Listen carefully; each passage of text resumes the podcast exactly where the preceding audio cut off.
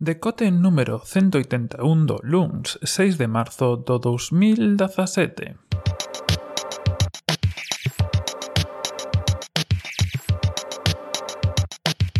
Bos días e benvidos a este novo decote. Como sabedes, a semana pasada estivo sendo en Barcelona o Mobile World Congress 2017. Xa falamos desto cando falamos das cousas que sacou Nokia, pero eh, evidentemente quedaronnos moitas cousas no tinteiro, pois das que hai que falar. Bueno, non sei se falar, pero o que vamos facer eh, é deixarvos, o que vou facer é deixarvos unha lista de todas as cousiñas que se foron presentando, as máis destacadas todas é imposible. Eh, non sei se o sabedes, creo que tamén o dixen outro día destas cousas da Gula Cebolleta, eh, estiven no 2012 ali eh, para cubrir un pouco para Mallando Android, outro pouco para Maceira, que, como sabedes, non está entre nós, e eh, algo infinito de, stands, de número de cousas que facer, de número de cousas que atender, pero, eh, bueno, sempre se intenta atender a todo o que se pode e recoller o máximo posible. Así que o que fixen, oxe, foi, eh, se si non sabes o que pasou neste Mobile World Congress, ademais das cousas máis destacadas, fixen dúas cousas. Primeiro, no blog, en podcast.org.net, tedes unha lista de vinte tantas cousas que se presentaron así as máis importantes. Hoxe o que vamos a facer aquí é falar das 5 ou 6 que destacan sobre esas que destacan E logo, pois, eh, si queredes ver todas que son máis importantes, que basicamente son móviles, portátiles, tablets, algún procesador e algunha cousa máis, así eh, especial, de que sí, creo que son todas cousas máis especiales e, e están entre as 5 ou 6 que falaremos agora, pois estedes aí, para cos seus enlaces aos blogs eh, aproveitei nos que hai vídeo para enlazar a, a entrada con vídeo nos que no, pois non e tes hai un, un popurrí de cousas interesantes, evidentemente seguro que quedan algunha fora, pero bueno, penso que, que son as cousas a destacar do que se presentou neste Mobile World Congress, que é a idea deste podcast, falar un pouco do, do que destacou entre o que destacou, e logo, pois, se hai cousas máis máis interesantes que non chegan, pois sempre me podes decir por redes sociais, e así incluímos aí na lista para quen chegue despois de vos a ver o post. Empezando polo principio, sempre, eh, vamos a empezar falando de móviles. Eh, presentáronse sobre todo tres grandes móviles, diría eu, sin contar os Nokia dos que xa falamos o outro día. O primeiro, bueno, este non é grande, pero ten a gracia de que é unha BlackBerry que se chama K1. Eh, é unha nova BlackBerry, ten teclado físico, é un pouco unha demostración de que siguen vivos E deixamos un enlace a Mallando Android onde falan dela. Non ten unhas grandes especificacións como os podedes imaginar, pero bueno, eh, eu creo que a nova é que BlackBerry sigue vivo, sigue presentando teléfonos, teléfonos con teclado físico, O teléfono deseño bastante bonito, eh, ten unha pantalla de 4,5 pulgadas, Full HD, Snapdragon Dragon 625, eh, 3 GB de memoria RAM e 32 de memoria interna e bastante BlackBerry en todos os sentidos, acabados negro e gris, cámara dianteira, cámara traseira, doble flash e o teclado físico. Non ten moito máis, pero simplemente pois, que saibades que, que sigue existindo. Prezo de saída en Europa será de 599 euros. E non sei, si queda por aí xente además de, das Kardashian, de Kim Kardashian, que era unha das que eu utilizaba e... E que máis? Había máis xente por Estados Unidos que sí que están por aí, pero bueno. O que teñen do mercado é, é irrisorio, si que lles queda algo, e aí siguen loitando con, con xente que quere teclado físico este un dos tres móviles que destacaría simplemente porque se ibades. O segundo, xa así que falando eh, entre os tres que destacan de verdad, que metería os Nokia, este que do que vamos a falar agora que é o LG G6, Sabes que LG fixe un aposto ano pasado para os teléfonos modulares que evidentemente non funcionou. Eh, non sei como a xente pensa que poden funcionar algo así, quero dicir. Mais ana do do momento de ah, que simpático, así normalmente compro un móvil e xa está, non lle anda cambiando as pezas, non anda mellorando nada, porque significa meter máis cartas e a xente, pois, os móviles hoxendía son bastante caros de per se. Eh, este novo móvil, este novo LG G6, eh, ten unhas cantas cousas interesantes. Primeiro, o deseño. A mí o deseño non me encanta, pero bueno, deixo que, que o vexades por vos mesmos.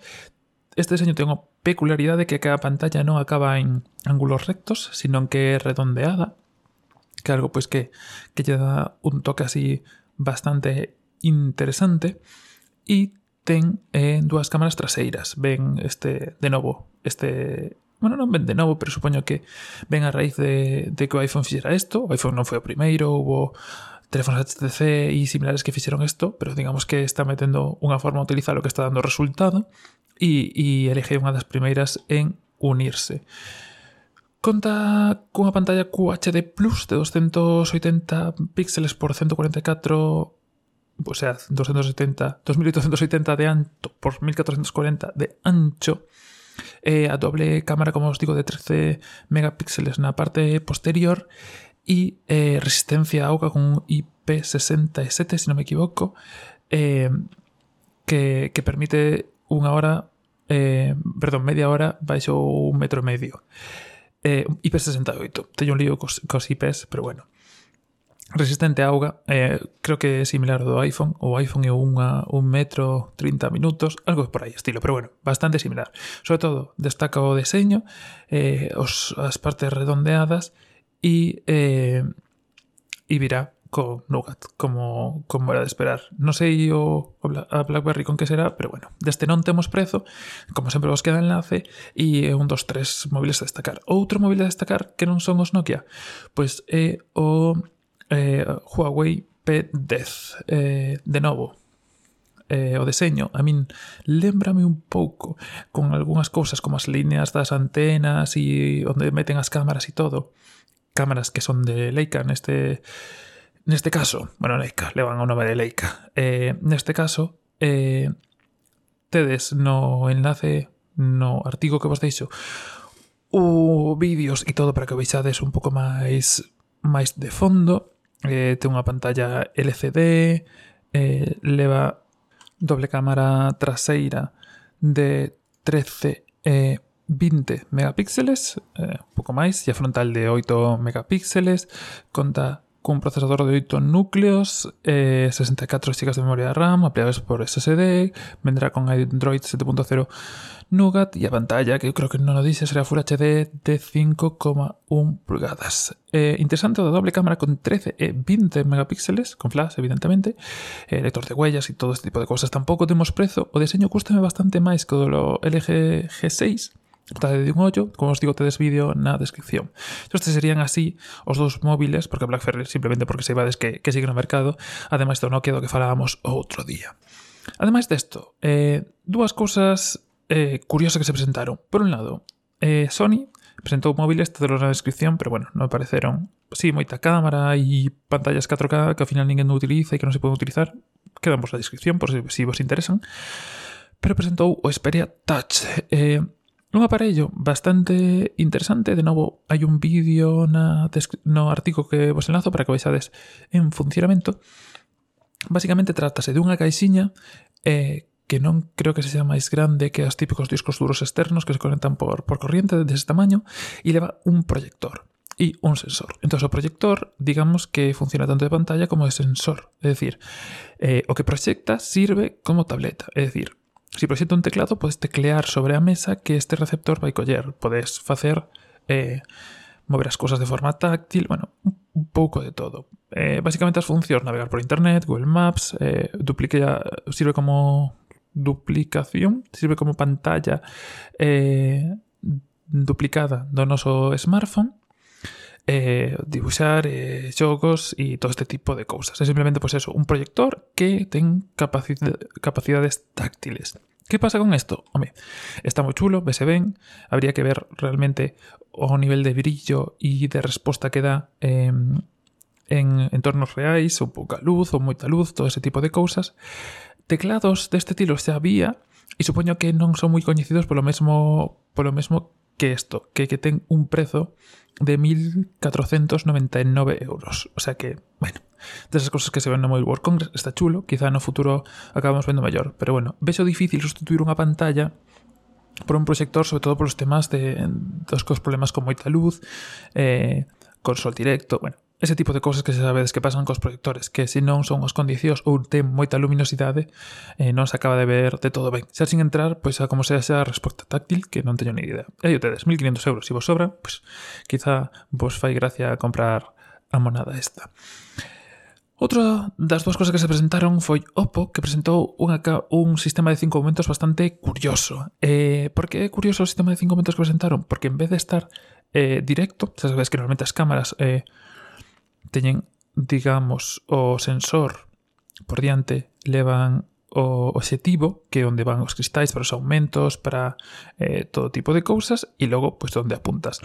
Que fan isto? Danlle un xiro de 90 grados, e en vez de poñelo todo recto, xa sabedes que nun smartphone, pois, eh, pode pasar como no iPhone, se o pos todo un detrás do outro, pois ao final quedache un pequeno boom, unha pequena protuberancia na parte de atrás, xa que teñen que entrar todos os cristais todas as cousas.